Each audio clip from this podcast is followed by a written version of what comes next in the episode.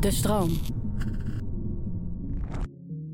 Ik praat vandaag met Di Carter. Die ken je misschien van het uh, populaire tv-programma Kamp van Koningsbrugge, waar hij een van de hoofdinstructeurs is. Hij schreef een mooi boek, Nu of Nooit, waarin hij eigenlijk zijn ervaringen van uh, tien jaar korps troepen deelt met de rest van ons. Wat kan je nou leren van al die dingen die hij daar leerde? Een boek over mentale kracht. Maar ik weet ook dat Dai uh, is een sportman. Hij is een man van structuur. Dus ik vrees dat dit smullen wordt, mensen. Als shit echt fout gaat, voel ik me nu, uh, ja, heb ik het zelfvertrouwen dat ik me eruit ga vechten of eruit ga redden of me eruit ga denken. Wat is een mens zonder houvast in zijn manier van leven? En ieder heeft een handvat en eigen rituelen. Orde in je hoofd zodat alles te overzien is. We praten over routines. Zeker die, in mijn commandoopleiding uh, was onze kapitein heel erg van de slaapdeprivatie. Dus de eerste twee weken zo'n 22 uur geslapen. We praten over routines. Daar, je moet me met één ding even helpen meteen. Want uh, uh, ik ben overmoedig. Mm-hmm. Dus ik schat dan in vanmorgen van oké, okay, ik ben aan de Wieboudstraat. Dat is vlakbij waar we nu zitten in de Studio de Smet. Dan denk ik, dat rij ik meestal in nou max 10 minuten inclusief parkeren. Dus ik ga om kwart voor ga ik weg van de plek waar ik was om hier om 10 uur te zijn. Maar de weg ligt open bij mijn afslag die ik moet hebben en er is geen parkeerplek. Zeven minuten te laat binnen. Jij bent een man van de tijd. Je zat hier nu ook weer uh, ruim van tevoren. Hoe doe je dat? Uh, ja, ik, uh, ik hou me gewoon aan mijn afspraak, denk ik. ja, maar hoe plan je het van tevoren? Ja, nee, ik, ik, ik, ik visualiseer dat inderdaad. Dat gaat gewoon automatisch, denk ik. Dus ik maak die, die planning ook. En uh, ik had nu het geluk om met de motor te zijn, dus ik ben er wat sneller. Uh, plus, het zit ook wel een beetje in mijn militaire systeem om vijf minuten te vroeg uh, te ja, zijn. Ja. ja. En ik moet eerlijk zeggen dat dat niet altijd lukt ook. En dan, maar dan kan ik ook wel echt balen. Van shit, ja. ben ik te laat, weet je wel. Ja, dat, maar dat heb ik dus ook. Alleen, en ik hoorde laatst ook in een podcast die, waar we het voor de uitzending ook even over hadden van Ben Bergeron, Chasing Excellence. En die zei wat er gebeurt, en dat heb ik dus. Stel dat je naar het vliegveld gaat en je doet het meestal in een half uur. Het is ook wel eens gebeurd dat je er drie kwartier of een uur over doet. Maar het is ook wel eens in twintig minuten gelukt. Mm -hmm. En in mijn hoofd denk ik dan, ik kan dat in twintig minuten. Dus ik reken dan twintig minuten terug. En dat, maar dat gaat natuurlijk nooit goed. En jij zegt dus eigenlijk gewoon, ik hou rekening met vijf minuten van tevoren.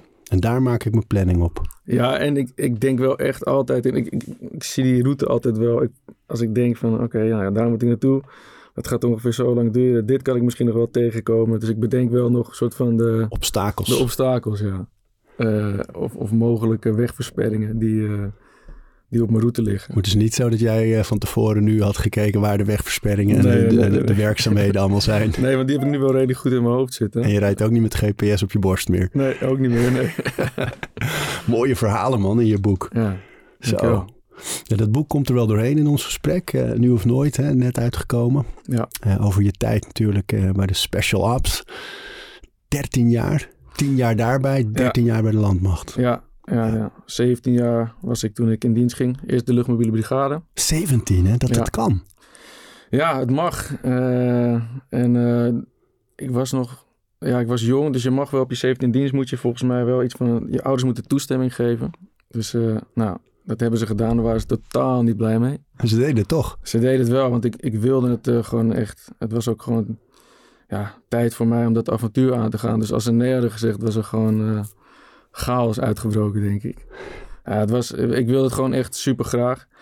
Maar voor mijn moeder en voor mijn vader was dat wel een beetje een, uh, was het echt een groot ding. Hoor. Jarenlang ook gewoon niet echt een leuke tijd, weet je, als ik op missie ging en zo. Maar het begon allemaal met uh, die keuze überhaupt om militair te worden.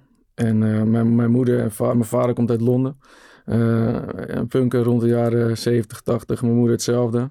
Dus die waren een beetje van die anti-bewegingen. Een uniform was lastig. Ja, ja, ja, zeker. En um, mijn moeder heeft ooit een keer tegen me gezegd... Ja, als je smeris of militair wordt, dan zwijt er wat. nou goed, ik werd dus militair. Um, Zwaaide er wat? Nou, ja, ik heb wel, ik, omdat ik mijn middelbare school dus niet had afgemaakt, uh, moest ik beloven dat ik dan, oké, okay, is goed, je mag wel in dienst. Oké, okay, je mag bij de infanterie, dus de, de, vechtende mannen, mannetjes om het zo maar te noemen. Maar dan moet je wel eh, ooit een keer je, je studie gaan halen. Toen zei ik, oké, is goed. Meteen voor 4,5 jaar getekend bij Luchtmobiel. En, eh, ja, en, en vrij snel ging ik al op uitzending naar, eh, naar Afghanistan. Toen was ik 18. En ik vierde mijn 19e verjaardag daar. Zo joh. Ja, Hoe echt was dat? Ja, ik, kan me nog steeds heel goed herinneren. Die, eh, mijn maatjes hadden... We waren toevallig net terug op het kamp. Dus op het grote kamp in Derenhoed. Camp Hadrian. En we waren een paar ja, dagen of een week of twee weken waren we de poort uit geweest. Patrouilles gedaan. Dus het was wel leuk dat ik terug op het kamp was. En eh, ik werd 's ochtends wakker. Toen hadden ze taart geregeld. En die taart die was bevroren. Omdat die dan uit de vriezer komt, weet je wel. Dus dat was oké, ijstaart aan het eten. Ehm, maar zo heb ik daarna ook nog een paar verjaardagen op uitzending gehad. En dat zijn, die, die vergeet je gewoon niet inderdaad. Omdat je zo'n bizarre plek je verjaardag viert. En, ehm, Maar wat doe je dan met vieren? Van, van oké, er is taart en er wordt waarschijnlijk wat gezongen met al die mooie basstemmen. Ja. En, eh, maar, maar eh, drink je wat? Vier, vier je echt iets? Nee, ja. Nee, het is meer gewoon van... Hey, jongen, gefeliciteerd hè. Een taartje. Hier, schouderklop. Nou, eh, we gaan weer wapenonderhoud doen. Zo, zo ging het. en misschien hadden ze nog een cadeautje. En later inderdaad wel. hadden ze wel... Dat is een, tijdens een missie met het uh, Korps Commandotroepen... dat mijn beste maatje... die eh, onder een pseudoniem ook in het boek voorkomt... eh, En die, is nog eh, actief. Ja, die is nog actief. Die had dan wel nog gewoon... eh, jongens hadden wel cadeautjes gefikt. En hij had toevallig een, een, een shirt meegenomen. Nog voordat we op uitzending gingen van... eh van eh, Enough Said, weet je, van Amsterdam. Met, eh, met, van die, eh, met eh, de leuzen van Amsterdam erop. Dus dat was wel mooi. Ja, dus dan Broederschap, wel- hè? Ja, dat is broederschap, ja. Schitterend. Deze aflevering van Overroutines wordt aangeboden door Squarespace. Een alles-in-één platform waar je je eigen website kunt bouwen en beheren. Het maakt niet uit of je producten, diensten of je passie met de wereld wil delen. Het kan allemaal bij Squarespace. Ik noem even kort drie handige functies van het platform. Met het ontwerpsysteem kan je makkelijk je website vormgeven en het helemaal eigen maken. Squarespace analyseert hoe je website presteert en wat er voor nodig is om je bedrijf online verder te laten groeien. En ook kan je abonnementen en exclusieve content aanbieden aan betalende leden. Start nu je gratis proefperiode via squarespace.com slash overroutines. En ben je klaar om je website echt te lanceren? Gebruik dan de code overroutines. Dan krijg je 10% korting op je eerste aankoop van een website of domein. Ja, dat komt ook mooi terug in het boek. Hoe Ja. hecht je wordt hè, met die jongens. Ja, Wauw man. Hé, hey, maar we lopen door je dag. En in die dag waaieren we vast uit over die mooie thema's in het boek. Want wat ik zo leuk vind aan het boek is dat je het hebt opgebouwd uit termen eigenlijk. De hoofdstukken zijn termen. Dingen die jij hebt meegemaakt in al die jaren actief zijn. Op het hoogste niveau. Ehm, op het meest geheimzinnige niveau ook wel. Dat staat er allemaal in. Dat is smullen. Ehm, maar termen als stress, pijn, vechten, leiderschap. Weet je? En daar ga je dan op in wat jij meemaakte en wat wij daarvan kunnen leren. Eh, Dat is een mooie opbouw. Dus Ja. ik denk dat we daar ook wel af en toe eentje van pakken. Omdat ze zo mooi eh, relevant zijn voor iedereen eigenlijk. ja. Maar we beginnen met je dag. Hoe vroeg begin jij? Ehm, ja, dus mijn werkweek is nu eh, van maandag tot donderdag. En zo deel ik mijn, mijn dagen eigenlijk een beetje in. Want vrijdag is mijn, ja, mijn, mijn vaderdag. Dan, dan heb ik mijn zoontje. En het weekend eh, laat ik het een beetje vieren, om het zo maar te zeggen. Dus ehm, werkweek ehm, sta ik vroeg op. Ja, soms zes uur, soms zeven uur. Ligt er een beetje aan wat ik die dag heb gepland. Maar ehm, mm, hoe het er het afgelopen anderhalf jaar heeft eh, uitgezien. En ik ga, ik ga daar zo meteen wat meer over uitleggen waarom dat nu veranderd is. Maar het afgelopen anderhalf jaar sta ik op. Ik loop naar beneden, ik drink eerst een glas water. Dan eh, doe ik mijn mobility stretch oefeningen. eh, ongeveer een kwartiertje. Wat stretch je? Wat doe je? Ja, ik heb een beetje gewoon een mix gemaakt van een soort van yoga flow. Waarbij ik dus bovenin begin. Ik begin staand. Dus dan werk ik mijn nek doe ik wat losdraaien, schouders, heupen, nou, enkels. En dan ga ik over in wat meer soort van eh, ja, dynamische stretches. Tot, eh, totdat ik alles een beetje heb gehad. En dan voel ik ook echt, oké, nu ben ik los en flexibel. En dan doe ik eh, meestal nog wat core oefeningen. Eh, eventueel wat push-ups. Het ligt een beetje aan hoe eh, de nacht is geweest. Zeker met die kleine nu. Ja, die is één hè? Ja, die is één. Dus dat heeft nog wel eens invloed, zeg maar. Maar over het algemeen gaat het op die manier. En dat gaat ook goed. En die core oefeningen? Ja, ja meestal planken. Ehm, gecombineerd met wat uh, met korte crunches, zeg maar. Niet al te, niet, duurt niet te lang, maar gewoon dat ik het even heb geactiveerd, zeg maar. Dat is een beetje elke dag. Ja. Van die vier werkdagen in ieder geval. Ja, waarbij ik nog wel eens ook gewoon uh, de, de ruimte en de vrijheid neem om het wel gewoon als ik zin heb, of als ik, als ik ja, me goed voel, maar ik voel me energie, dan doe ik het ook nog wel uh, als ik net bijvoorbeeld op vrijdag mijn zoon naar bed heb gebracht. Dus dan pak ik hem wel nog op, maar niet precies op dat tijdstip, net voordat ik ga werken, s ochtends. Um, dus ja, dat, en dan ga ik naar boven toe, dan ga ik douchen. Uh, dan begin ik lauw warm. even snel gewoon alles afspoelen. En dan draai ik hem naar koud. En dan focus ik op mijn ademhaling. Um, ja, en dan blijf ik een 30 seconden tot een minuut blijf ik onder die koude kraan onder de koude douche. Dan kom ik eruit, tanden poetsen en eigenlijk ja, begin dan een beetje mijn dag. Waarbij ik dus nu sinds een half jaar niet ontbijt. Uh, ik doe een intermittent fasting. Ik vond het altijd een beetje bullshit. maar ik heb me verdiept in de. Toch wel een beetje verdiept in is de. mooi, hè? Ja, in de wetenschap erachter. En het doet echt wel goed voor mij. Ja, ik denk ook. Want ik geloof ook dat je nooit moet diëten. Dat het nooit werkt. Gewoon nooit. Ehm, maar dit is geen dieet. Het is gewoon een levenswijze. En die hele vast, dat je lichaam kan reinigen in al die tijd. En eh, dat je daarna ook veel sneller en beter opneemt. Er zit zoveel voordeel. Je darmen lekker schoon. Ja. Werkt echt. Ja. ja. Dus als ik dan mijn douchemoment heb gedaan, dan, uh, dan neem ik um, BCA's in water. Branch chain amino acids. Yes. Aminozuren. Juist. Um, en, en 5 gram creatine. Dat doe ik ook dagelijks. Ja, mooi. Ook voor de, nou, ik heb toevallig inderdaad laatst een, eh, een hint ja. ook gezien. Ja, dat artikel, die, dat die wetenschap zegt nu echt voor iedereen. Ook als je niet veel sport, maar echt creatine dagelijks. Ja. ook voor de cognitieve functie inderdaad. Ja, dat vooral hè. Ja. En dat doe ik nu ook al inderdaad zo'n een jaar lang ongeveer. Um, ja, en dat is een beetje mijn uh, ontbijt geworden. In combinatie met tien uur meestal neem ik nog een uh, Athletic Greens drankje. Oh ja. Zo rond 10 uur ongeveer. Athletic Greens. Want dan begin ik toch wel een beetje die, uh, de, de trek te voelen.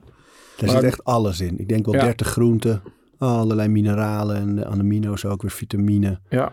Ja, Athletic Greens. AG1 is dat denk ik. Ja, AG1 ja. En het, en het mooie ervan is, is dat uh, zowel die creatine als de BCA en die Athletic Greens, dat uh, in principe breekt dat me vast niet. Want er zitten niet, weet je, de hoeveelheid koolhydraten of suikers is eigenlijk verwaarloosbaar. Of het zit er gewoon niet in. Uh, dus, dus mijn suikerspiegel gaat niet omhoog. En als jij nu dat soort dingen uh, doet en aanpast en zo, dan uh, haal je dat gewoon uit, uit de wereld. Het is dus niet meer vanuit je actieve periode. Het is niet dat je die dingen toen altijd zo deed en hebt vastgehouden of zo. Nee, nee, behalve dat natuurlijk gewoon een soort van... Alleen dan denk je er niet over na in de, in de, in de, in de militaire opleiding uh, en ook in de commandoopleiding, dan doen ze altijd uh, s ochtends, dat noemen ze krikkrakken. Dus dan uh, heb je misschien niet geslapen of heel eventjes geslapen. En dan word je dat, dat bedje uitgesjeest en dan moesten we verzamelen op de plaat. op het commandokamp, er staan verschillende nishutten, dus daar slaap je dan in. En dan moet je in de commando shuffle, je mag niet lopen. Je moet altijd in een shuffle verplaatsen over het kamp. Shuffle is Ja, dus gewoon joggen. Beetje, ja. ja. Je mag niet, je mag niet lopen. Um, en dan loop je naar de plaat en dan staat daar een instructeur en dan doe je wat krikrakken. En dat is gewoon een soort van een warming-up van het lichaam, zodat je, ja, je lichaam klaar is voor de dag die komen gaat. En um, dat zit in eh, de meeste militaire opleidingen. Of je nou in het veld zit, dus als je een zware veldoefening hebt of op uitzending. Die dingen worden wel, weet je wel, geïmplementeerd. En krikrakken. En dat is dan een beetje zo die, die een beetje dynamisch stretchen. Wat oefeningen, ja, jumping beetje, jacks. Of... Ja, jumping jacks. Een beetje push-ups. Gewoon het lichaam. Uh, Echt even aanzetten. Ja, dus niet heel hoog energetisch. Je hartslag gaat niet uh, tekeer. Maar het is wel even aanzetten inderdaad. Dus gewoon weer even wake-up call. Oh, oh, stroeve lichaam. Zeker als, als je een zware oefening of iets zwaars hebt gedaan die week. Dan is het wel lekker om even op die manier je lichaam weer te activeren. En daar komt het idee van dat ochtends denk ik iets actiefs doen met, met mijn lichaam wel vandaan. En dat koud douchen? Uh, ja, dat is. Nou, dat begon ook een beetje rond. Uh, ik deed het al. Ik had het al eerder gedaan. Ook natuurlijk door gewoon geïnspireerd door Wim Hof. Um, en uh, het feit van gewoon iets oncomfortabels doen in de ochtend. uh, en daar overheen stappen. Dus uh, meer een mentale oefening dan dat het soort van iets fysieks met me deed. En pas later, toen ik me erin ging inlezen over wat het ook voor de fysieke effecten van is, met name ook op, op dopamine uh, en, en um, adrenaline. Um, en wat de, wat de positieve effecten daarvan kunnen zijn. Was het meer gewoon een soort van iets mentaals. Dus oké, okay, focus op mijn ademhaling. Even iets oncomfortabels om de dag mee te beginnen en daar overheen stappen. Maar voor jou, want ik kan voor, je bent natuurlijk heel veel in situaties geweest dat je iets oncomfortabels ging doen mm. of moest doen. Um, en met die ademhaling vroeg ik me af, hè, want ik weet dat, die, uh, dat ze in Amerika bijvoorbeeld uh, die commando's hebben die block breathing. Die uh, vier seconden in, vier vasthouden, vier uit, vier vasthouden, vier in. Om die hartslag wat in stresssituaties naar beneden te krijgen en mm. zo. Maar hebben jullie ook dat soort vaste technieken daarvoor? Nou, het is iets wat, wat gegroeid is in de tijd dat ik bij het KST zat. Het was er... Waar staat KCT ook weer voor? Ja, Kooscommandotroepen. Ja, natuurlijk. En um, in het begin was dat er helemaal niet. Is het eigenlijk door, door mijn eigen interesse... Uh, ik beschrijf ook een stuk in het boek. Het ja. gaat over mijn schietexamen. Waar ik best wel veel stress voor ervaren. Omdat het gewoon een belangrijk moment is in je carrière bij de Special Forces dat je die opleiding had, de assaultopleiding. Dus het vechten in huis. En ja, je leert echt op chirurgische wijze schieten als je het uh, allemaal goed doet.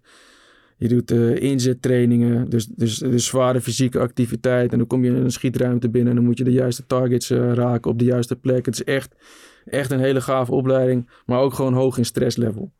En uh, toen kwam ik erachter dat Delta Force inderdaad, of, of de Amerikaanse Special Forces, gebruik maakt van tactical breathing.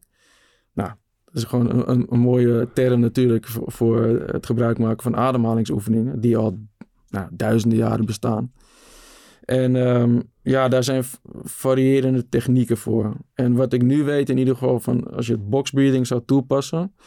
Is ja, dat, dat is die 444, hè? Die ja, die 444 is dat het niet per se um, je hartslag naar beneden brengt. Want wat, wat er gebeurt, heel simpel gezegd, met inademing, is dan, dan activeer je je, je sympathische zenuwstelsel, dus je stressactivatie. En uitademing, parasympathisch. parasympathisch.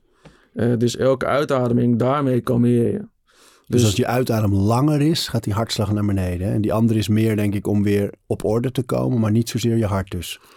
Nee, en, en, en, en daar is een beetje dat idee ontstaan van... oké, ademhaling gebruiken zowel voor um, nou, misschien wel stressactivatie als je het nodig hebt. Van, mm, ik voel me niet scherp genoeg. Oké, dan uh, uh, wat vaker in en uit. Dus meer een soort van hyperventilatie. Ja. Of oké, ik moet het nu even mijn focus herpakken en kalmeren. En dan zou ik eerder bijvoorbeeld kiezen voor een ademhalingsoefening die zit op drie seconden in of twee seconden in en vijf of zes seconden uit. Ja, ja. En dat voel ik, als ik het nu doe, voel ik het eigenlijk ook wel meteen. Ja. Dat het meteen een soort van, oh ja, oké. En dan doe je in door je neus, zag ik, uit door je mond, hè? Ja, en um, kan allebei. Um, maar uh, de meeste mensen vinden het comfortabel om in door neus, uit door mond. Maar je kan ook in en uit door je neus. Ja, ja. Ja, dat doet mijn broer, joh. Die, zit, uh, die rent nu ook op neusademhaling. Ja. ja ik heb dat ook een jaar lang uh, getraind op die manier. Ook weer om uit te proberen. Ja, en uh, om te kijken wat het doet. En in het begin ging het echt mega slecht. Als ik, uh, nou, dus op maandag ga joggen, dan ren ik eigenlijk meestal laag tempo. En, en bijna alles op neus, in en uit. En dat in het begin was het heel lastig. Maar nu lukt het me dus ook op hogere intensiteit. Dus ook als ik ga sparren bijvoorbeeld met boksen. Lukt het me ook om zoveel mogelijk in en uit door mijn neus te blijven ademen. Maar dit, dat is wel, dit is wel een jaar gekost om dat uh, te trainen. Te trainen ja. En nu je niet actief bent, uh, die doet dus al die dingen nog. Dus je bent voortdurend nog aan het trainen, aan het zoeken, aan het proberen, aan het sparren, aan het joggen, aan het fysiek in stand houden. Waarom? Ja, daar heb ik veel over nagedacht de laatste tijd. Ja, waarom, weet je wel? Ik bedoel, uiteindelijk zit er natuurlijk ook gewoon een soort van drive achter. En uh, krijg je van bepaald... Ik in ieder geval. Dus ik, ik krijg ook energie van die actieve dingen doen. Ik weet ook dat het chemische processen in gang zet in mijn brein... waardoor ik me positief voel. Dus het uh, beïnvloedt mijn uh, bewustzijn op een positieve manier. Al die bewegingen, om het zo maar te noemen. Um, maar waarom ik nu eigenlijk train? Ja, ik hoef niet meer op missie.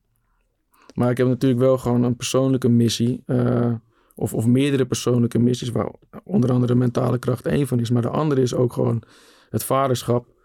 Eh, en eh, eigenlijk gewoon het trainen voor het leven. Dus ik, ik, ja. ik, ik, train niet meer om, om op missie te gaan of, uh, of om een wedstrijd te winnen. Nee, ik train gewoon om, om zeg maar gezond en fit en gebalanceerd te zijn voor het leven. Want het leven is soms al ja, toch wel heftig genoeg. En er, er zullen altijd weer obstakels komen. Dus, dus daar train ik eigenlijk voor. Ik, ik train voor, voor het leven en de dag ja, van morgen. Mooi. En het werk wat je nu doet?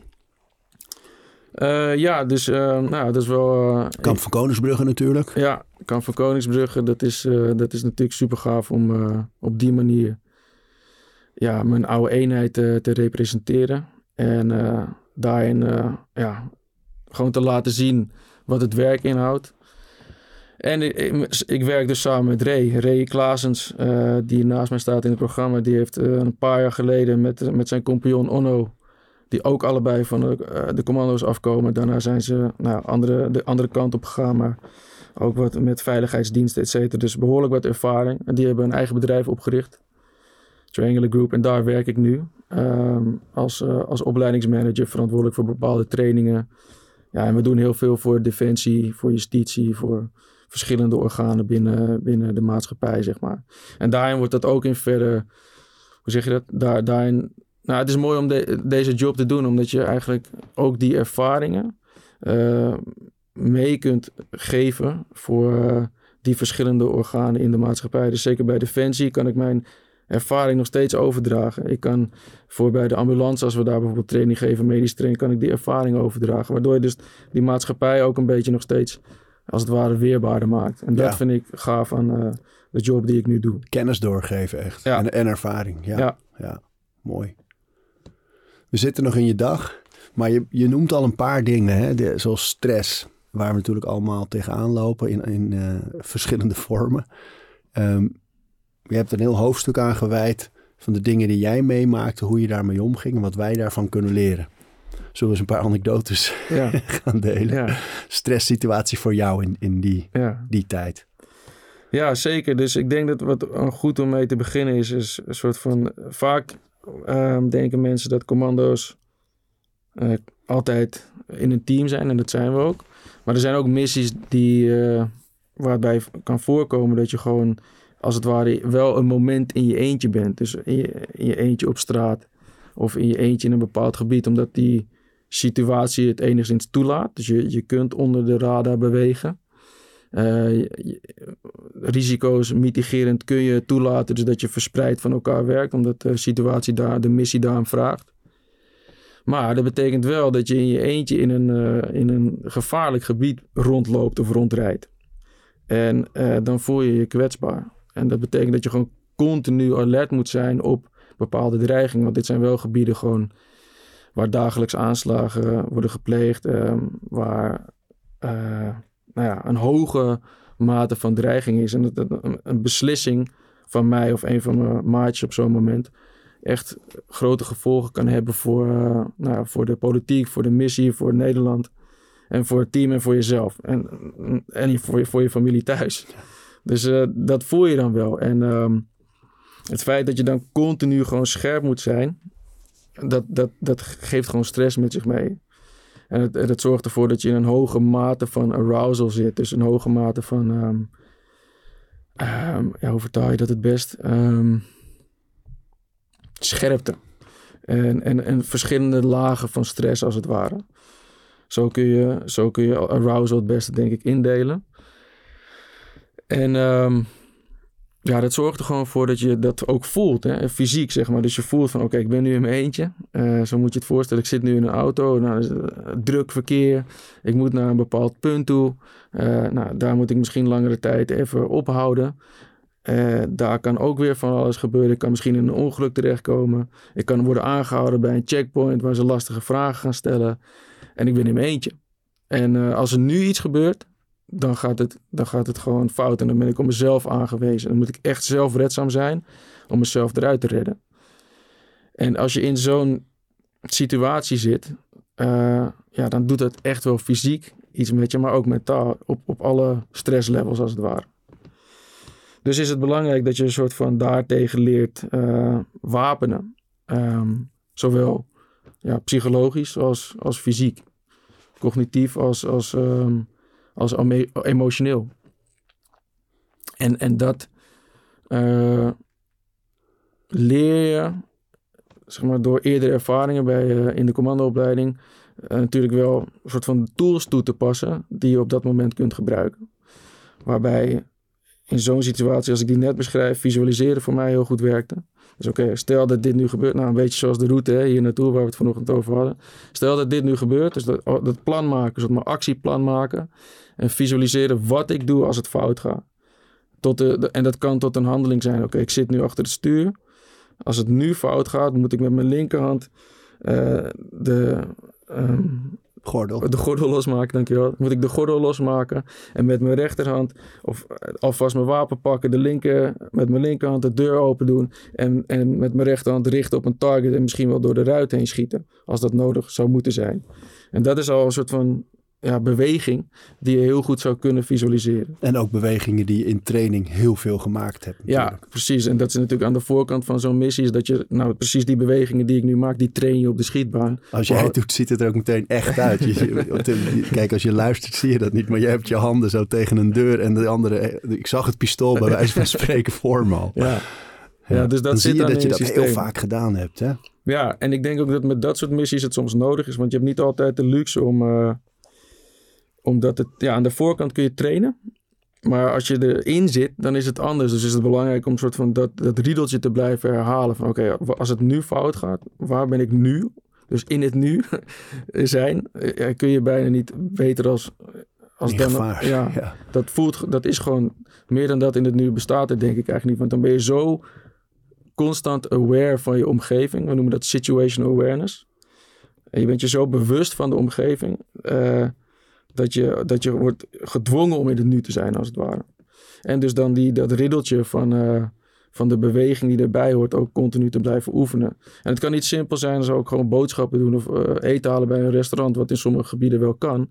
Maar ja, je kan niet gewoon eh, zomaar naar binnen lopen. Zo, oh, hallo, goeiedag, ik kom hier eten halen. Nee, je loopt naar binnen toe, je kijkt meteen naar de exits. Oké, als het nu fout gaat, dus ze komen via die ingang binnen. Waar moet ik dan naartoe? Wat ga ik doen als het... Nou, zo zeg maar. Dus die what-if scenario's, ben je, daar ben je continu mee bezig. En dat doet echt wel ja, iets met je... Maar met je blijft zoiets van, van nu bijvoorbeeld? Als jij nu een eh, theater inloopt of een, of een, of een café.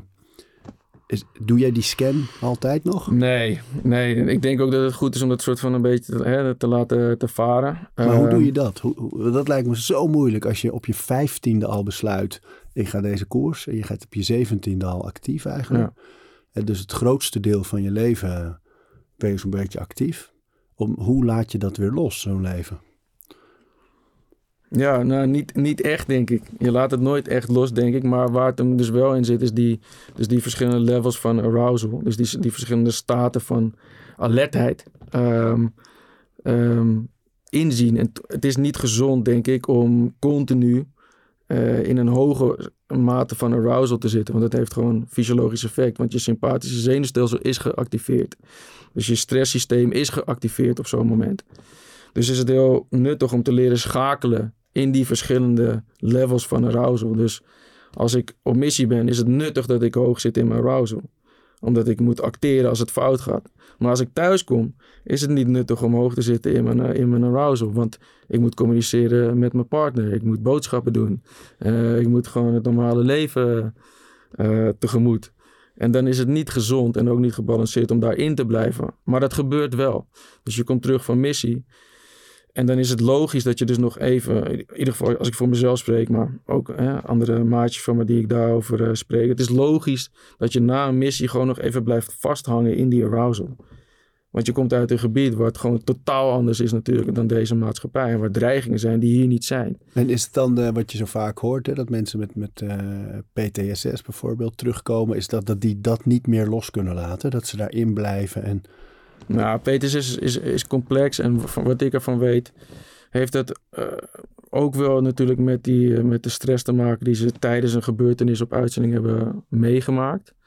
Ehm, maar het zit vooral ook vast in het geheugen. Hm. Dus, dus de, ehm, ja, je, je- de, de, de memory die je hebt aan de gebeurtenis, die is gelinkt ook aan je stress, Ja, aan een stressreactie. Ja. En, ehm, Maar ik denk wel dat het samen gaat. Dus ik denk dat het gewoon, uh, zeker als je een heftige situatie hebt meegemaakt op missie, je komt daar naar thuis, dan is het logisch dat die, uh, ja, die arousal als het ware even moet afzwakken.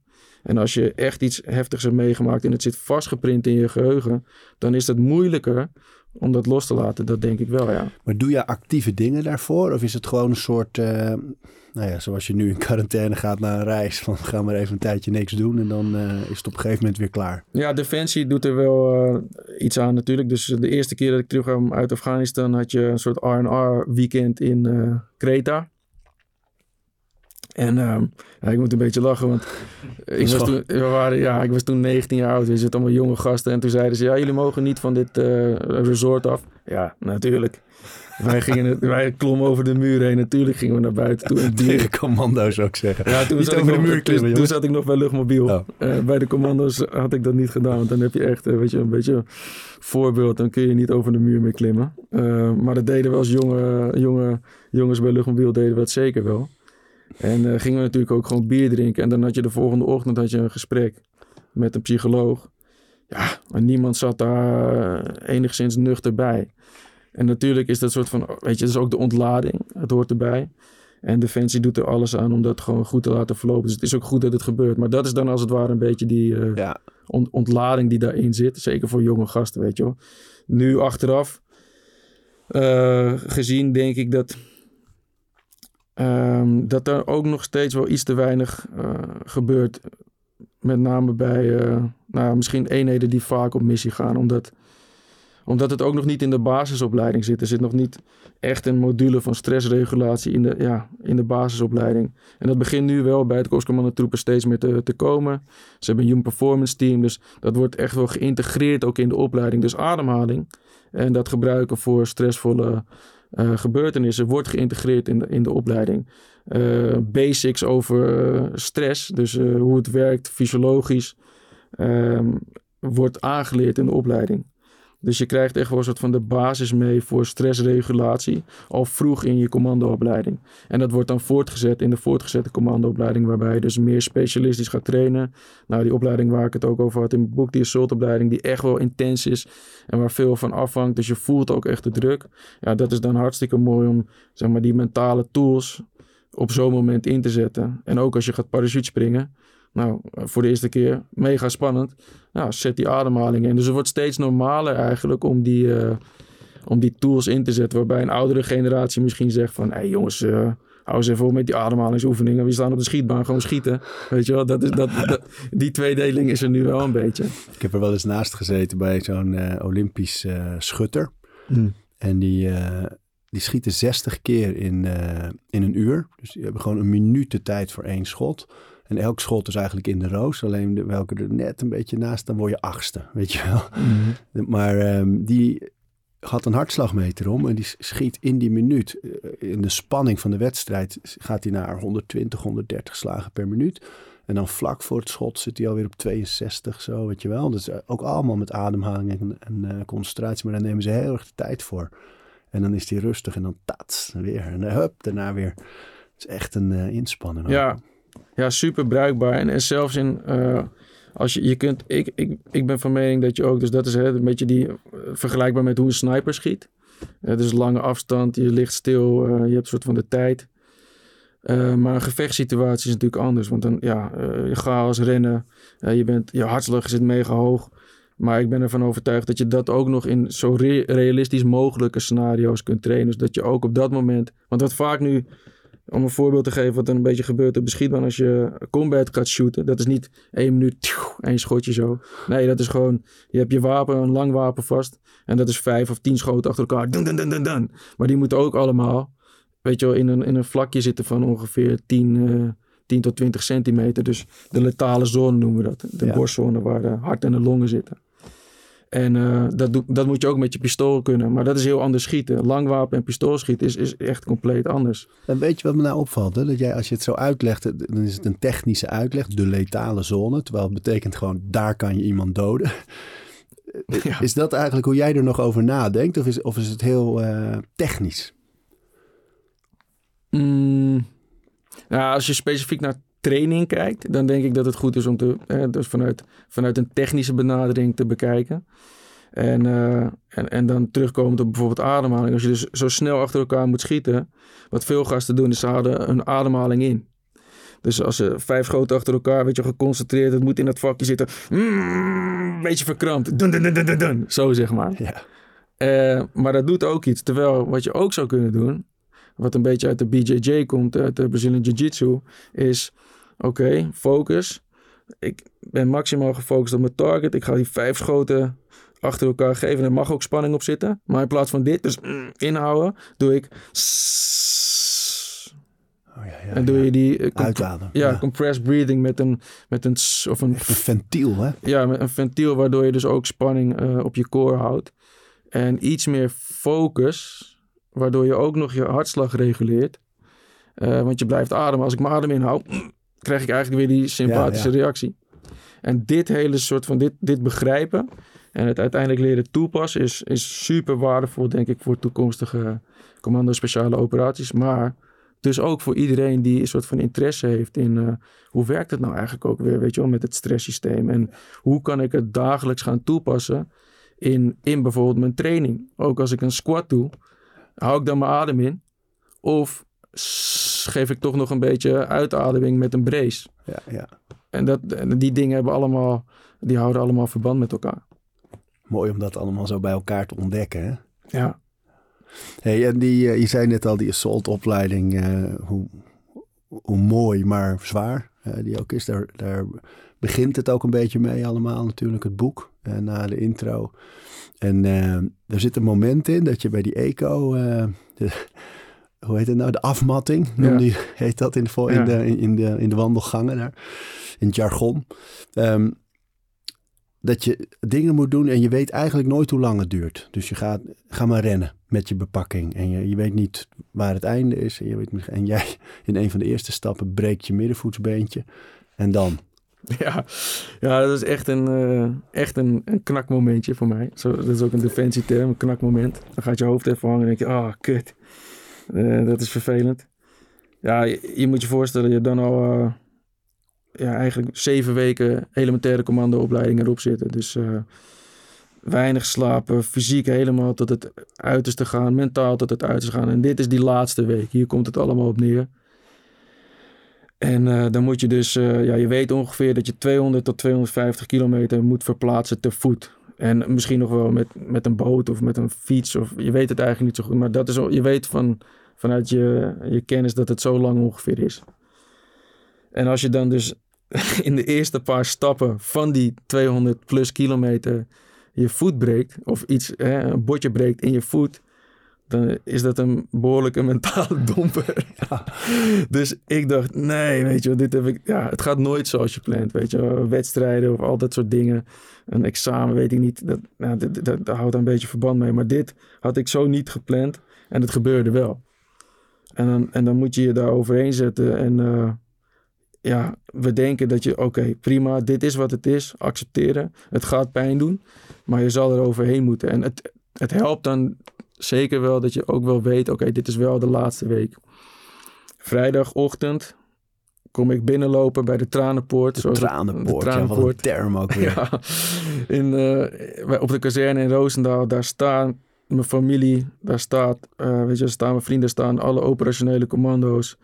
En dan, dan heb ik het gehaald. Dan ja, krijg... dat is na die hele week. Met al die ontberingen, het afzien. En heet het ook echt de tranenpoort. Het omdat niemand tranen... droog blijft als je daar doorheen gaat. Ja, en je nee, ziet die mensen. Nee, eigenlijk niet, nee. Nee, en ik... Nee, niemand, niemand houdt het echt eruit. Oh, oh, als je niet extern houdt, dan hou je wel intern. Gewoon van binnen, zeg maar. Omdat het zo'n bizarre ervaring. Dus het is ook een, het is een groene poort uh, op, de, op de kazerne. En daarboven staat dan ook uh, de korpscommandotroepen. En daar kom je binnenlopen. Maar dat, dat hou je dan dus als focus van oké, dat, is, dat is mijn eindpunt. Ik weet, het is nu zondagavond laat. Maar vrijdagochtend kom ik daar binnenlopen. Ik moet er doorheen. En uh, dat was lastig, want de volgende ochtend was mijn hele voet opgezwollen. En ik kreeg wel wat, wat ontstekingsremmers. Maar ik heb dus die hele freaking 200 plus kilometer moeten lopen met die, met die voet. En, en natuurlijk door alle ontberingen van de weken daarvoor. Was, al mijn pezen waren ontstoken. Eh, mijn voet was één grote ellende, zeg maar. En kan je dan nog rennen? Eh, nou ja, het moest wel. Want sommige stukken moest je gewoon een eh, versneld tempo. En, en zeker toen het, toen het net gebeurde, dacht ik, ah. Dus ik voelde het. En, maar wat eh, is het? Want jij zegt het moest wel. Dat is natuurlijk waar die hele opleiding over gaat. Van jij besluit het moet. En een ander zegt, ja jongen, dit gaat me te ver. Want straks hou ik blijvend letsel over. Of dit kan gewoon niet, zullen ook mensen gedacht hebben. Maar bij jou zit er iets in. Is dat training? Is dat karakter?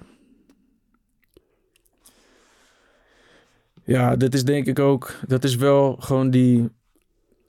Nou, zo open ik mijn boek ook. Dat, is wel, dat heeft wel te maken met de wil om te winnen. En dat, dat, dat be- betekent niet dat ik altijd de winnaar hoef te zijn. Ik, wil niet, ik hoef niet nummer één te zijn. Maar de wil om te winnen, om, om gewoon mezelf daarin te overstijgen, dat is er wel eh, iets wat er vanaf jongs af aan in zit. Eh, en, eh, en soort van die, die, die, zeker die fysieke uitdaging aan te gaan van de, zowel de pijn overwinnen als angsten overwinnen. Dat is wel iets wat er al echt van, van jongs af aan. Ergens heb ik een keer besloten dat ik dat moet gaan doen. Om mezelf ja, te wapenen tegen de wereld, als het ware. Omdat ik weet dat de wereld hard is. En dat voelde ik al vanaf jongs af aan. Eh, ik moet me daar tegen wapenen. En dat, dat doe ik volgens mij alleen maar door één, mijn angsten te overwinnen. En twee, mijn pijn te overwinnen op de een of andere manier. Of in ieder geval ermee te leren omgaan. Waarom vond je de wereld hard toen je klein was? Ja, ik denk dat ik van het. Ja, misschien zijn we het allemaal wel, maar ik denk eh, dat ik zeker wel een gevoelig kind eh, was. Dus ik snel kon voelen wat een soort van de energieën in de ruimte waren. En eh, toen mijn ouders uit elkaar gingen, heel erg bewust van hoe de ene ouder zich voelde over zichzelf of over de ander. Op het schoolpleintje eh, en op het pleintje waar ik opgroeide in de rivierenbuurt ja, was er gewoon een mentaliteit die ik niet, misschien niet echt per se gewend was van huis uit. Waarbij je gewoon wel moest kunnen vechten en je mond open moest kunnen trekken. En eh, ja, dat, dat voelde ik gewoon allemaal. En, dat, eh, en ik dacht, eh, ja, wat, daar, daar moet ik iets tegen doen of zo. Want ik voel gewoon dat ik daar ehm, ja, gevoelig voor ben. En ehm, dat, ik, dat ik me daar tegen moet wapenen, als het ware. Want anders? Want anders eet de wereld me op. Zo, ik denk dat het daar vandaan komt, weet je. Anders, ik moet overleven in deze verschillende soorten situaties. En eh, ik moet er sterk uitkomen. En, en dat, dat moet ik zelf doen. En, eh, en daar is dat denk ik wel ontstaan. Is dat, ehm, is dat iets, eh, iets, iets afschermen of zo? Of een deksel ergens op liggen? Of doet het bijvoorbeeld ook iets met je relaties daarna? Achteraf, nu zeg maar, omdat ik er veel over heb gereflecteerd, heeft het wel eh, ja, die dingen in gang gezet. Je- Daar begint eigenlijk het opbouwen van je panzer, eh, in mijn geval. Dus daar ben ik begonnen met het panzer bouwen. En een soort van laagjes eh, om me heen te bouwen om, om sterk te worden. Waardoor ik in andere dingen misschien emotioneel gezien ben afgevlakt. En dat, dat is nu dus een proces geweest van de afgelopen jaren om dat dus weer te herwinnen. En, en dus wel meer in contact te staan met, eh, met die emoties en die dingen die ik misschien al jonger al voelde, zeg maar.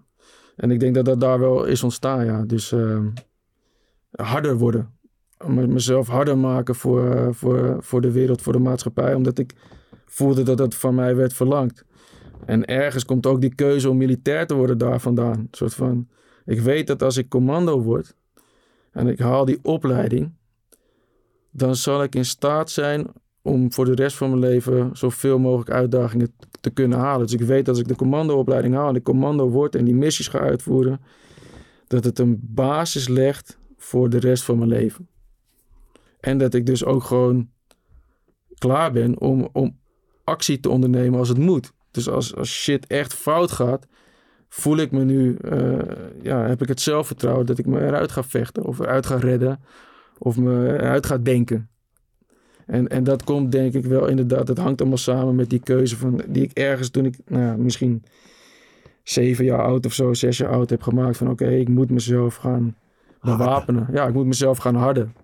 Maar het lijkt me, het zijn fantastische skills om te hebben in de wereld natuurlijk. Dat je gewoon volledig zelfredzaam bent. Uh, als jij nog leert groente telen en uh, je eten verbouwen, dan ben je gewoon klaar. Ja. een waterbronnetje in de achtertuin, hup. Jou kan niks Daar gebeuren. ja. Maar het lijkt me ook, het lijkt me nu moeilijk van, om dan weer die gevoelige kant, die je kennelijk dus wel waardevol vindt, weer op te zoeken in die jaren. Ik denk dat een zoon krijgen heel erg helpt. Ja, behoorlijk. Hoe werkt dat dan? Nou, ik ben een emotioneel wrak de afgelopen tijd. Nee. Je helemaal alleen maar janken Ja, van binnen. Nee, ja, en van buiten. en daar ben ik ook niet meer bang voor. Weet je, dat, dat mag er nu ook zijn. Het is wel iets wat echt is, eh, wat heeft gegroeid. Maar om een voorbeeld te geven, ik kon, ik kon geen boekpresentatie geven eh, door de situatie, ja. COVID natuurlijk. Dus ik heb het een beetje klein thuis gedaan. Dus mijn, mijn echte beste maatjes van het Korps waren er. En eh, mijn familie. En eh, nou, dan is het natuurlijk gebruikelijk dat je iets gaat eh, vertellen. Dus ik ging eh, op de trap staan, was bij mijn vader thuis. In de, in de woonkamer is een trap naar boven. Nou, iedereen stond er zo omheen. En ik voelde eigenlijk helemaal nog niet iets van een soort van emotie. Maar ik ging op die trap staan en ik begon met... Nou, hè, bedankt dat jullie hier zijn. En ik wil dat jullie weten dat jullie... Nou, in alle tijd dat ik op missie ging... altijd ja, het thuisfront waren. Zoals het bij Defensie ook wordt genoemd. Dus jullie waren ja, de, de fundament. Jullie waren het fundament van mijn. eh, jullie waren mijn hoeksteen, weet je wel. Anders had ik dat allemaal niet kunnen doen. En natuurlijk was het altijd. Of het was spannend en een moeilijke situatie af en toe. Maar jullie waren er voor mij. En toen. Schoot het naar mijn keel toe. en ik moest echt gewoon huilen. Zo jongens. En toen lachen. En iedereen moest ook weer lachen. Want die dacht van ja, wat is er nou eigenlijk aan de hand? En toen begon ik weer met vertellen en het ver- mijn verhaal verder afmaken. Toen schoot ik weer vol. En toen dacht ik, nou jongens, laat maar. Maar in ieder geval dank dat jullie hier zijn. En ik schaam me daar dan ook niet meer voor. Vroeger had ik wel, of, of een paar jaar geleden, had ik dat lastiger gevonden. Dat ik denk van, ik kan toch niet eh, opbreken waar iedereen bij staat. Alsof het een zwakte is. Als het, ja, alsof het een zwakte is. Maar nu zie ik dat niet meer zo. Nu zie ik dat gewoon als, als kracht. En eh, ja, het- dat het er ook mag zijn. eh, die, die emotie. En dat het heel logisch is dat je... Dat daar, weet je, die, die, dat hele schrijfproces wat, eh, wat daar dus eigenlijk uitkwam. Die negen maanden lang gewoon ploegen, zweten. ehm, eh, dat kwam er op dat moment uit. Ja, negen maanden schrijven in het eerste ge- geboortejaar. Ja. Of het eerste levensjaar van je zoon natuurlijk ook nog. Dat is, al, eh, Ja, het was een echt een... dat is ook een missie. Het was echt een missie. Het was een emotionele rollercoaster. Het was super zwaar om het voor, voor elkaar te krijgen. En eh, ook voor mijn, voor mijn partner, natuurlijk voor mijn vriendin, was het gewoon heftig. Want zij moest dan... Ja, ik maakte gewoon negen maanden lang dagen van 16 tot 18 uur, denk ik. Eh, omdat ik hem ook moest, mijn werk had en moest schrijven. Eh, dus dat was voor haar natuurlijk ook pittig. En eh, ja, daarin natuurlijk is mijn mentale kracht ook bepalend geweest. Ik had het niet kunnen doen zonder alle ervaringen bij eh, het Korps Commandotroepen, zonder mijn discipline, zonder al die, al die dingen zeg maar, die ik in die jaren heb opgebouwd. En ook niet zonder de gehardheid die ik dus ergens heb aangeleerd. En nu is het denk ik mooi om inderdaad een soort van een tweedeling daarin te vinden. Dus wat je zegt klopt. Het is heel mooi om die skills te hebben. Eh, maar het moet niet doorzetten in eh, te veel hardheid omdat je dan namelijk dat hele emotionele gaat afvlakken. En dan maak je geen verbinding meer met mensen. Dus nu zie ik het meer als: oké, het is eigenlijk de knop om kunnen zetten op het moment dat het moet. Dus stel dat eh, hier nu de, de, de brand uitbreekt. Dan zijn dan pak ik jullie vast. Ja, Hey, pak ik jullie Blijf vast. trap ik de deur open. En dan neem ik jullie mee naar buiten. op je schouders, Op allebei. Ja. Weet je wel? Dus dat plannetje heb ik al gemaakt. Maar I got you, bitches. Ja, en dat, weet je, en dat helpt gewoon, want dat geeft je zelfvertrouwen voor al die situaties. Maar het is niet goed om daarin te blijven hangen, want het dagelijks leven vraagt ook gewoon empathisch vermogen. Vraagt ook gewoon dat je kan verbinden met mensen en je gevoelens laat zien. Denk ik in ieder geval. Ehm, er zijn twee dingen die ik nog van je. Ik ben heel benieuwd naar, naar je slaap. Want je zei net al, eh, natuurlijk, omdat je een eenjarig kind hebt. Dat is één ding. Eh, die slaap, ja, die, die is gehavend waarschijnlijk.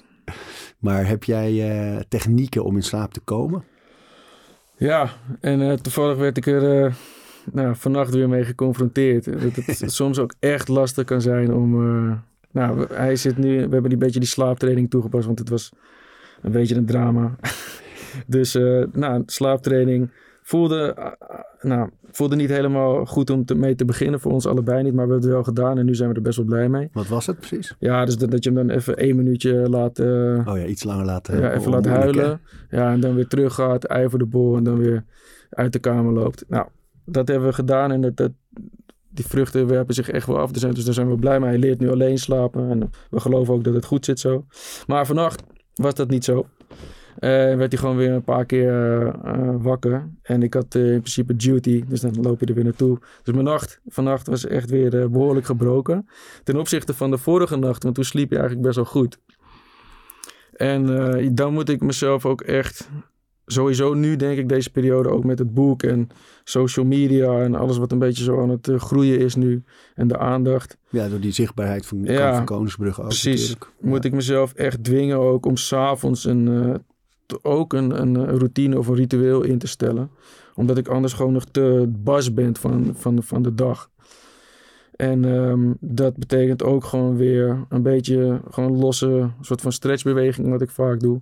En ademhaling. En dan focussen ik, dan doe ik geen box breathing of uh, adem inhouden, maar echt kort. Ja, zo'n drie seconden in door mijn neus. En uh, vijf tot zes, zeven seconden uit door mijn neus of mond. En dat doe ik staand, soms liggend. En maar dat zijn dan dus toch dingen die jij nu jezelf eigen maakt. Terwijl jij situaties hebt gekend waarbij je op de gekste momenten actief was. Midden in de nacht. En overdag misschien even moest slapen. Ging dat dan automatisch omdat je zo moe bent dan?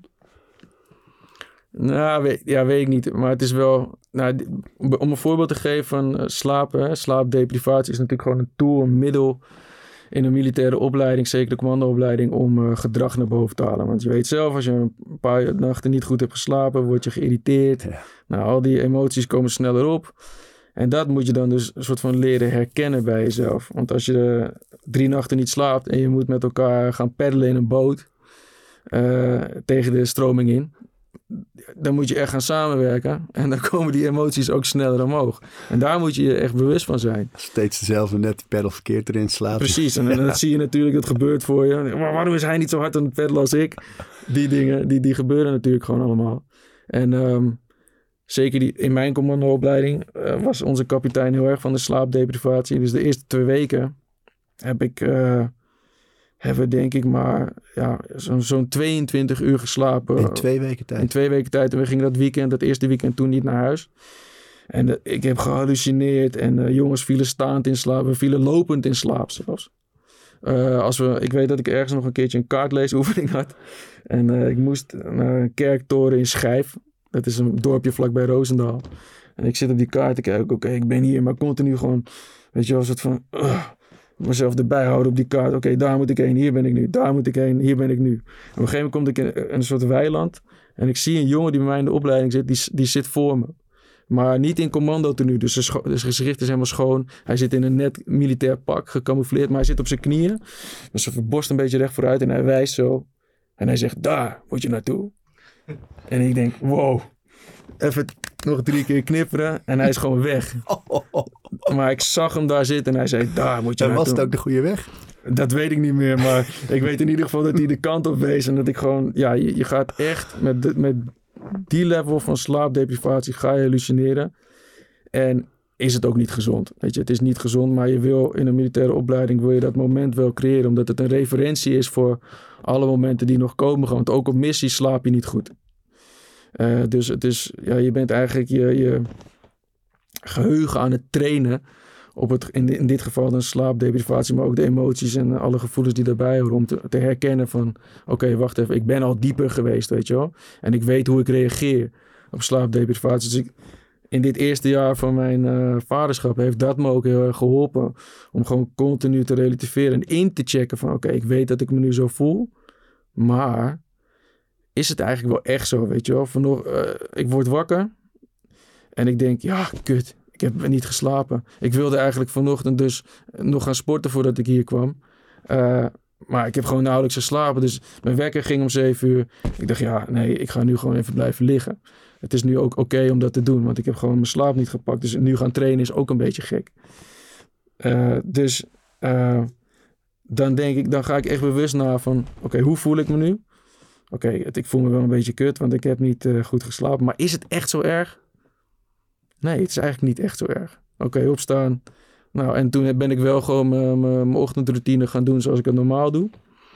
Eh eventjes minder sport aan, omdat de situatie het gewoon eh, in dit geval dan niet, eh, niet toeliet. En dat accepteer ik dan ook, zeg maar. Dus omdat ik nu een beetje in die experimenteerfase zit, accepteer ik ook gewoon dat het even een dagje misschien niet gaat zoals ik wil dat het zou gaan.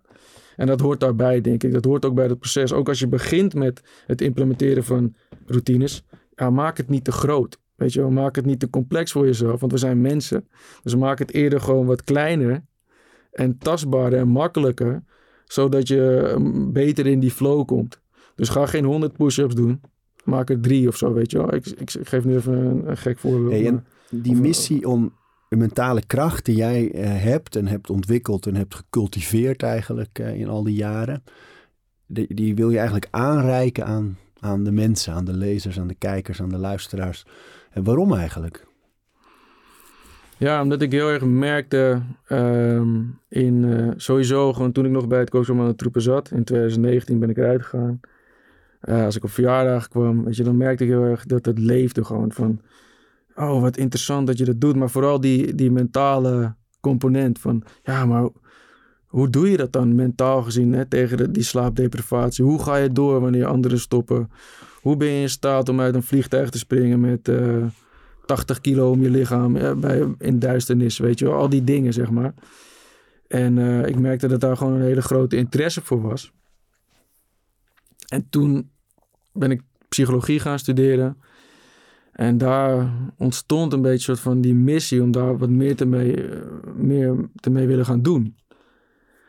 Ehm, maar ik had nog niet echt soort van een manier bedacht om dat bij een grotere groep mensen terecht te krijgen. En dat, uite- uiteindelijk is dat dus mijn boek geworden. Maar zeker nu in deze tijd, en ja, eh, hè, de externe factoren, die, die zijn er genoeg, corona onder andere.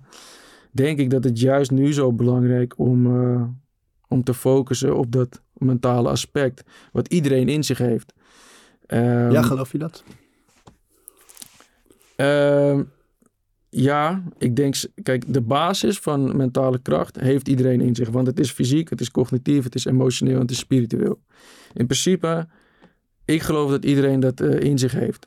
Het ontwikkelen is een ander verhaal. Weet je, dat heeft te maken met nature, nurture en allerlei andere componenten. Maar het is trainbaar. Alleen, eh, soms moet je de juiste persoon vinden om, om je die tools aan te reiken. En dat is ook, denk ik, ik heb zo basic mogelijk in de onderwerpen waarvan ik dacht, die, die gaan mensen het meest interesseren. Hè? Dus, dus pijn, leiderschap, veerkracht, eh, broederschap. Daar ga ik die formule van mentale kracht in verwerken in mijn boek, zodat ik zaadjes plant bij de mensen die het boek lezen. En of dat ze denken van, oh hey, dit doe ik ook al op die manier, nice, top, ik ga zo verder. Of hey, dat is net een andere manier waarop ik het doe, of ik doe het helemaal nog niet, dit Of ga ik mis doen. dat nog, ja. Ja, of ik mis dat en ik ga het doen. En dus ook in het onderbewuste die zaadjes planten. eh, door mensen het eh, gevoel te geven dat het inderdaad iets is wat, het, wat in hun zit. Die mentale kracht. En dat je dus geen commando speciale operaties hoeft te worden. Om je mentale kracht te ontwikkelen en te trainen. In al die verschillende onderwerpen. Want ik zie het eigenlijk zo. Mentale kracht is de grote noemer. Veerkracht, weerbaarheid zijn componenten van mentale kracht. Die, die vallen daaronder. En datzelfde geldt voor discipline. Datzelfde geldt voor pijn. Datzelfde geldt voor leiderschap. Persoonlijk leiderschap.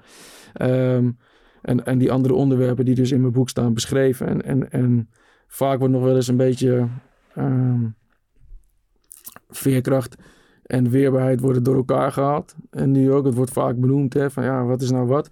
Maar ik heb eh, ja, goed research gedaan naar de psychologie. En in de psychologie is het, zijn het echt twee verschillende componenten. Ja. Weerbaarheid is iets heel anders dan ehm, veerkracht, re- resilience, zoals ze het in Amerika of in Engeland noemen. Ja, mooi woord ervoor. Hè? Ja, is een heel mooi woord. Eh, daar struggelde ik soms nog wel eens mee, want ik ben tweetalig opgevoed. En mijn vader is Engels, dus ik denk soms ook in het Engels. Dus ik heb soms echt vijf minuten zitten worstelen met... hoe ga ik dit zo goed mogelijk opschrijven? Want in, in het Engels voelde ik hem Ja. en wist Ja. ik de woorden, maar ik kon het niet vertalen naar wat er nu dan in mijn boek staat. Uiteindelijk is het wel gelukt, maar ja. En, en de, ik denk dat dat goed is om te begrijpen van... oké, mentale kracht staat er eigenlijk als soort van grote noemer boven. En je hebt al die verschillende componenten die bestaan uit, uh, nou ja, psychologie, uh, cognitie, fysiologie, et cetera. En die, als je die begrijpt, of in ieder geval voor een groot deel begrijpt, dan kun je ze onderdeel maken van je, van je leven. Waardoor je dus je eigen mentale kracht leert vergroten en leert versterken. En dan? Waarom is dat belangrijk? Omdat ik denk nu, zeker uh, de, vandaag de dag, uh, dat de tijd daar gewoon om vraagt. Um, ik denk dat als je kijkt naar social media, aan alle afleidingen die er zijn, met name ook voor nou ja, de wat jongere generatie, dus laten we zeggen de, de mensen die nu 15 tot 25 zijn, maar ook daarboven. Ik bedoel ook mijn leeftijd, ik ben nu 32. Weet je, die dingen spelen gewoon een grote rol. Dus, dus de afleidingen zijn groter, de effecten van het nieuws, dus een soort van de negativiteit in het nieuws. En wat dat doet met mijn mentale gesteldheid, al die effecten zijn gewoon voelbaarder en, en komen sneller tot de mens, omdat de maatschappij nu zo is ingericht. En mentale kracht zorgt er dan voor dat je gericht blijft op de dingen die jou voldoening geven, die jouw leven verrijken. Ja, dat je in ieder geval in staat bent om um, je bewustzijn door middel van uh, mentale kracht positief te beïnvloeden. En ik denk dat dat uh, een beetje de, de key is, soort van op verschillende soorten manieren, op verschillende onderwerpen, mijn bewustzijn te leren beïnvloeden. En, en, en, dat, en ja, de manier waarop, waarop dat te doen is uh, het verrijken van je eigen mentale kracht. Omdat de, de, de situatie, de, de wereld van nu. En misschien eigenlijk altijd al wel. Hè? Want zoals ik al vertelde, toen ik jong was, voelde ik ook al dat ik mezelf moest. Ja, ja, ja. Je had een schild, nou, een wapen nodig. Ja, moest schild wapen, of een wapen. Precies. En dat hoeft dan dus niet dat panzer te zijn. Het is wel een onderdeel, denk ik, van mentale kracht. Wat vooral bij weerbaarheid hoort. Hè? Dus omgaan met stressvolle gebeurtenissen. En daar verschillende kopingsmechanismes in, in gebruiken of aanleren. Dat is wat weerbaarheid eigenlijk is in de psychologie. En daar hoort dat panzer een beetje bij. Uh, maar het is niet nuttig om dat panzer de rest van je leven te dragen. Nee, je arsenaal moet breder zijn. Ja, je arsenaal moet breder zijn. Dus je moet jezelf inderdaad uh, meerdere manieren of meerdere skills, meerdere wapens eigenlijk krijgen om, uh, om jezelf dus uh, mentaal krachtiger te maken voor de wereld van vandaag. Voor de wereld van je zoon. Ja, ja, en dat voor mij persoonlijk is natuurlijk een hele grote motivator daarin. Want dat is het ook. Hè. Ik bedoel, ik heb dit boek geschreven op basis van mijn ervaring. Ik weet dat ik snel kan schakelen. Maar ik ben ook mens. En uh, ik lig vanochtend ook weer in mijn bed dat ik even denk van... Ah shit, weet je, niet goed geslapen. Uh, uh, voel ik ook weer even misschien een, een, een snelle negatieve gedachte die in mijn hoofd komt. Maar ik kan hem ook sneller omzetten, omdat ik mezelf daarin heb getraind en omdat ik al die ervaringen bij het korps heb opgedaan. En dat, dat moeten we niet vergeten. Je bent een mens en uh, ja, er zullen altijd wel weer negatieve gedachten komen of evenementen of, of gebeurtenissen in je leven waardoor je even weer teruggezet. En daar heb je die mentale kracht voor nodig. Vanmiddag nog even een dutje? Uh, Yoga Nidra? Nee, ik denk niet dat ik tijd heb. En oh. ik denk dat ik mijn training van vanochtend even wil inhalen als ik nog ergens de, de kans krijg. nu of nooit heet dit boek. Yes. Ik heb ervan genoten. En ook van het gesprek. Ah, mooi, dankjewel. Dank ook. We praten over routines. Dankjewel voor het luisteren. En voordat je weer doorgaat naar andere dingen, wil ik je nog even wijzen op Over Inspiratie. Dat is het mailtje dat ik elke donderdag rondstuur met drie tips. Dingen waar ik zelf veel aan gehad heb. Kunnen producten zijn, artikelen die ik gevonden heb online, onderzoeken uh, Instagram-accounts, podcasts, boeken, van alles eigenlijk. En ik denk dat je daar zelf ook veel aan kunt hebben. Dus vind je het leuk om dat mailtje elke week te ontvangen? Dan kun je je opgeven op ariboomsma.nl onderaan de pagina. Dan krijg je voortaan elke donderdag in je mailbox over inspiratie.